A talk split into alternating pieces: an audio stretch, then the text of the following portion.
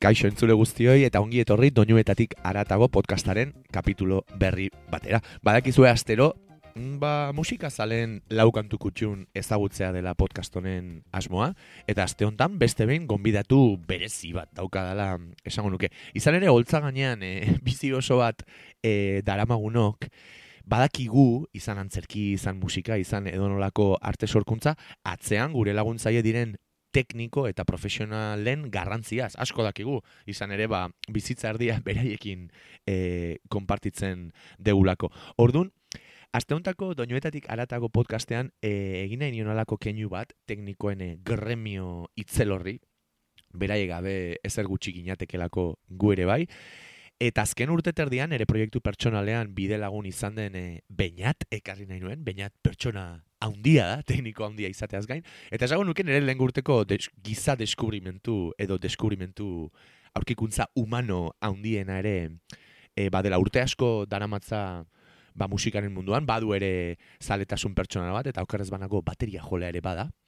Baina nik tekniko lanak ba, izugarizko profesionaltasunarekin egiten dituen pertsona bezala ezagutu dut, eta laguntasun handi bat garatu dugu hortik abiatuta ere beraz. Aste honetan, bainat izango da gure gonbidatua. Gonbita botanionean bere ala esan zidan parte hartuko zuela, eta irrikaz nago gure artera ze kantu ekarriko dituen ikusteko. Berandutu baino lehen, entzungo dugu, bainati bere kantu kutxunak zerrendatzeko gonbita botanionean, erantzun zidan lehengo mezua. Beraz, hemen daukagu, bainaten lehen kantu kutxuna. Ea zain den. Hau bagar jot, mi esker gomida penagatik gan, lehen bizi. Eta bueno, ba, nire lehen kantu kutxununa izango zen e, Beatlesen Come Together kanta. Zeatikan kanta honek e, gogorarazten dit nire itarekin dudan harreman musikala. Alegia, e, nik gusto musikal asko ditut, berak ere bai, baino badira hor ba, talde batzuk edo genero batzuk esan genezake ba, nun bio konpartitzen ditugun alegia. Eta binilonek e, ilusio asko egiten dit, zeatikan gazten nintzela, e, izan zen berako paritu ziten lehenengo biniloetako bat, bere kolekzio pertsonaletikan, eta oso gustora jaso nuen, eta horixe besterik gabe, ba horixe horixe da nire lehen kantarik kutxunena.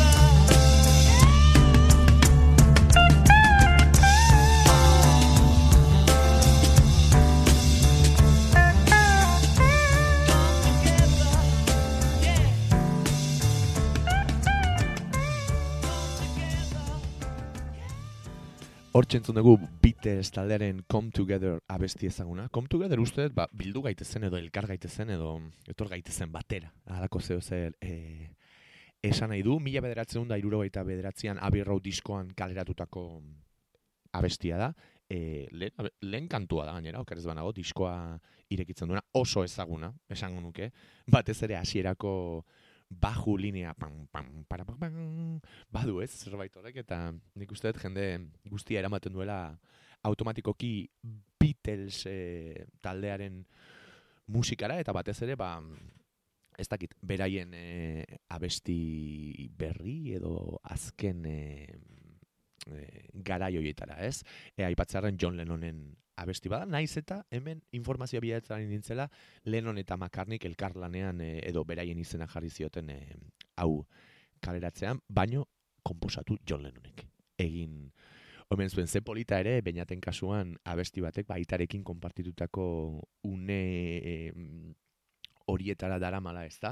Denok e, jaso izan dugu azkenean, ez dakit nola esan eragin batez, txikitan, e, bakoitzak bere etxean entzungo zituen e, klasiko batzuk, klasikoak ere ezberdinak izango ziren etxearen arabera, baina gira esan e, Beatlesen Come Together e, bainatentzako hain berezia den abesti bat bada ez, aitarekin konektatzen duena, ba, badu niretzako e, zer esana, eta, eta biba txikitako oroitzapen musikaloiek ez dakit ba, baote den entzulerik Beatles taldea ezagutze ez duena, baina bueno, ezagutze ez badezu, jakizazu, e, historiako talde ezagunena dela, besterik ez.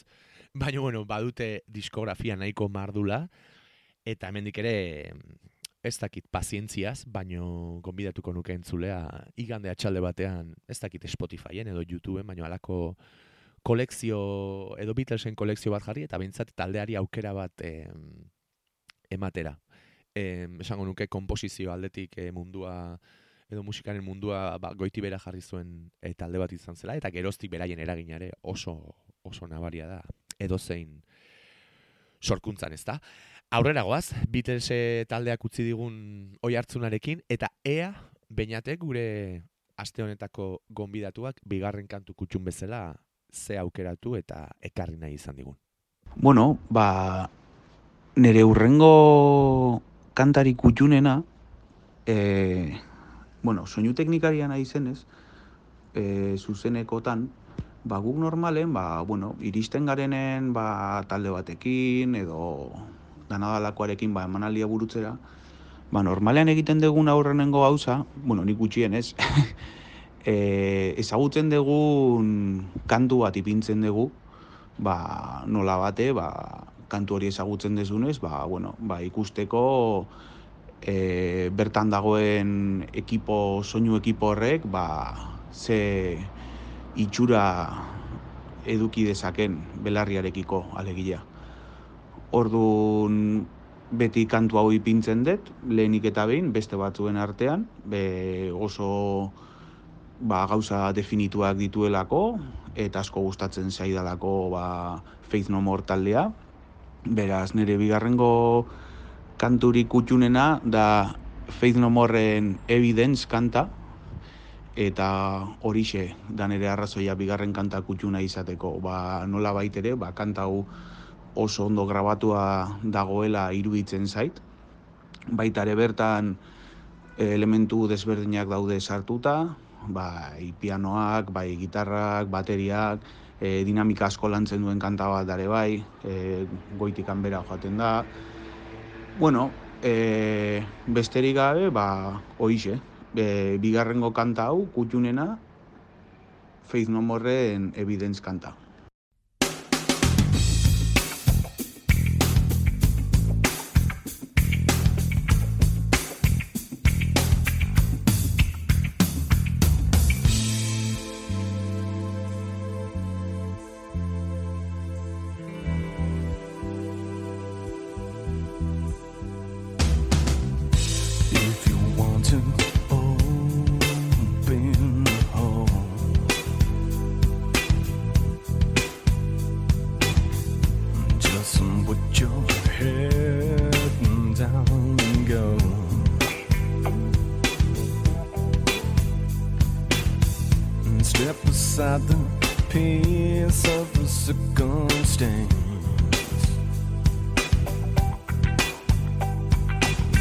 shadow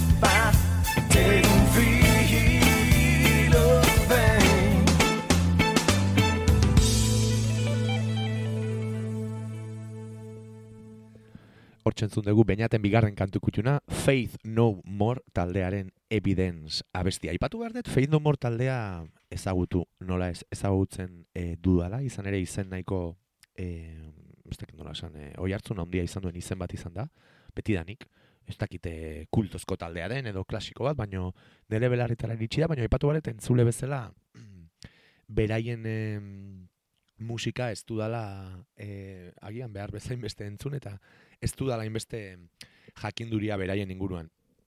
Jakin badakit, em, hasieran beste abeslari batzuk izan eta eta Mike Patton izeneko abeslaria bat aldean sartu zela, ez dakit ze urtetan, baino badakit ez zela hasierako em, taldekide izan, Baina gero, beti iruditu zait Faith No More entzutean eh, Mike Patton abeslariaren eh, ez dakit aura edo bai, eh, bai, berezitasun hori izan dela em, lehenik eta behin ere burura etorri den zerbait. Aipatu bada Faith No More nere uste apalean edo dakidanagatik ba, bueno, bai, eh, metal alternatiboa, rock alternatiboa, experimentala ere esango nuke, funk ikutuak, rapa, ez dakit nik uste dut, e, badela talde bat, ba, akaso mm, normalean estilo hauek duten em, ertxitasunetik atera eta esperimentaziora emana, ez? Eta argatik ere izan dute ba, beste talde askok, izan ez duten e, sona, izan ez duten errespetua ere komunidadearen gandik, eta irutzen zait Faith No More e, badela taldea handi bat. Aprobetxatuko dut, bainaten bigarren kantu e, kutxun hau, asteburuan etxeko lanak egiteko eta Faith No More aukera bat emateko eta zuek ere espero berdin egingo duzuela. Aurrera goaz eta beinaten hirugarren kantu kutxuna entzungo dugu orain. E, bueno, berak egindako gomendioa, ea zer dakarra. Bueno, ba, nire urrengo kantari kutxunena, esan ezake, bueno, e, teknikaria eta aparte, nola musikaria naizenez, e, bateria jotzen dut, ba, da musika bizitzeko ba, beste ikuspuntu bat alegia, e, teknikaria edo musikaria izatea. Ba, lehen aipatu dudan ez, ba, kanta hori asko gustatzen zitzaitela, ba, esan genezake ba, nola dagoen grabatuta eta ejekuzioa eta gauza desberdinak eginda. E, urrengo kantare bai noski, oso ondo grabatu dela iruditze zait, e, oso potentea eta oso soinu landua duena. Eta horixe, ba, urrengo kanta gustatzen zait, ba, bueno, ba, bertan dagoen bateri joleak, ba, berak duen jotzeko modua, e, beste taldekideek noski ere dute jotzeko modu harrigarri bat, esan genezake. Eta, bueno, ba, egiten duten musika nahi iruitze zait, ba, bueno, ba, dela kontzeptua, dola pixkat e, desberdina, esan genezake sortu duten jende honek, ba, alde batetik instrumentala delako beraien musika, e, beti lagun artean esaten dugu, ba, bueno, hor e, pixka bat hitz egiten duna, ba, gitarra dela esan genezakela, edo horixe. Eta, ba, bueno, ba, nire urrengo kantari kutxunena da Animals as a Leaders taldearen Red Miso kanta. Hau beraien azkenengo lanean kaleratua izan da. Eta horixe, e, e, atentzioa jarri, zergatikan oso gauza interesgarria iruditzen zait entzuteko eta baloratzeko. Besterik gabe, ba hoixe, e, Animals as a Leadersen Red Miso.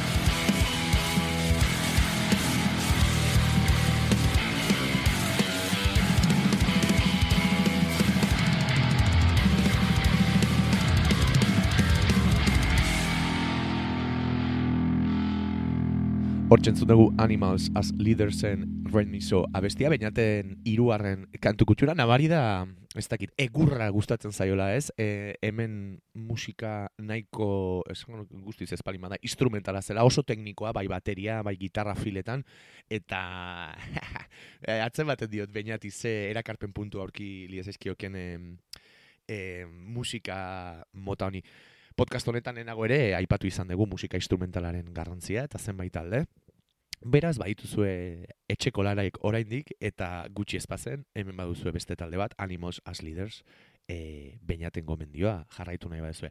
Aurrera goaz, ea bainatek zer ekarri nahi izan digun gaurko programa agurtzeko. Bueno, eta bukatzeko, ba, nire azken kanta kutxunena, gaina esan genezake hauedanetatikan, ba, nire kutxunetako zerrenda hauetan sartu zen azkena dela. eta, bueno, ba, kantuan hoek gogorarazten dit, ba, bueno, e, iraien egin nuen Tenerifera bidai bat, eta, bueno, ba, justu deskubritu nuen kanta hau bertara joan baino lehen, eta bidaian, ba, desintentzu nuen, eta, bueno, niretzako bidai berezi bat izan zen, zeatikan berez, e, aurreko urtean burutu behar izan nuen, baino justu trafiko istripu bat izan nuen, eta urte bete berandu joatea lortu nuela esan genezake. Eta, bueno, ba, azkenian bidai hori izan zen, ba, nola ere gaizki negoen, negoenean barkatu, e, buruan neuken gauza bat.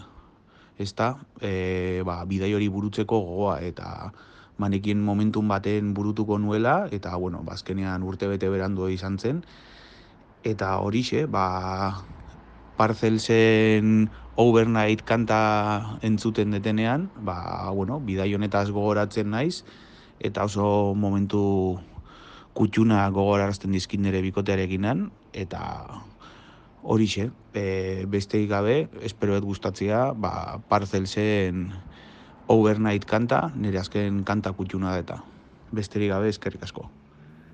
Berezia, bainaten azken aukeraketa izan ere podcast honi hasierako toinua jartzen dion Parces taldearen beste abesti bada, baino bi bazu bainat aukeraketa ederra gaurko programari agurresateko eta zuei entzuleok ba urrengo arte eta gozatu bainaten azken kantu kutxuna. Parcels taldearen Overnight abestia. Aio!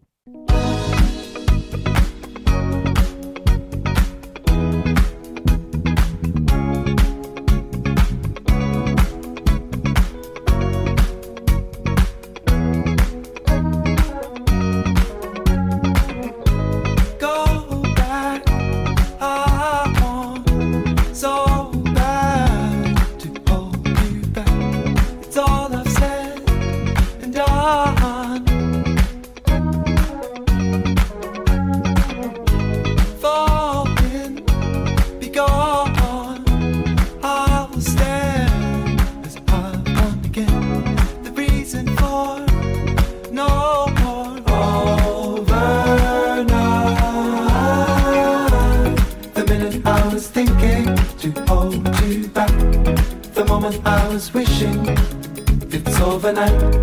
The minute I was thinking to hold you back, the moment I was wishing it's overnight.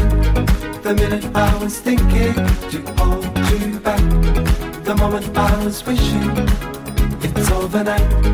The minute I was thinking to hold you back. The moment I was wishing it's overnight. Slow down,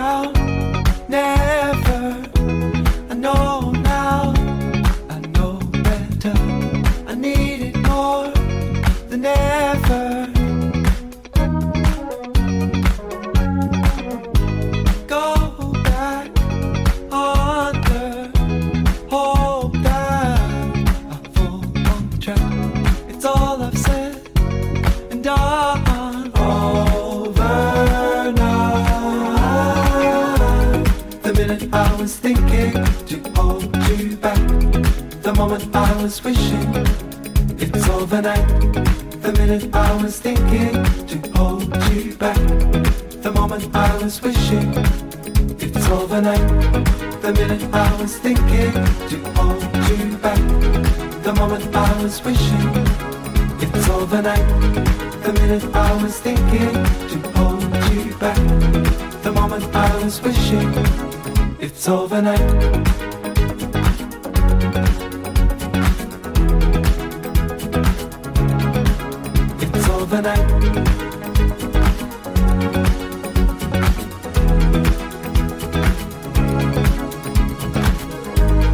The minute I was thinking to hold you back. The moment I was wishing. The minute I was thinking to hold you back. The moment I was wishing. It's overnight.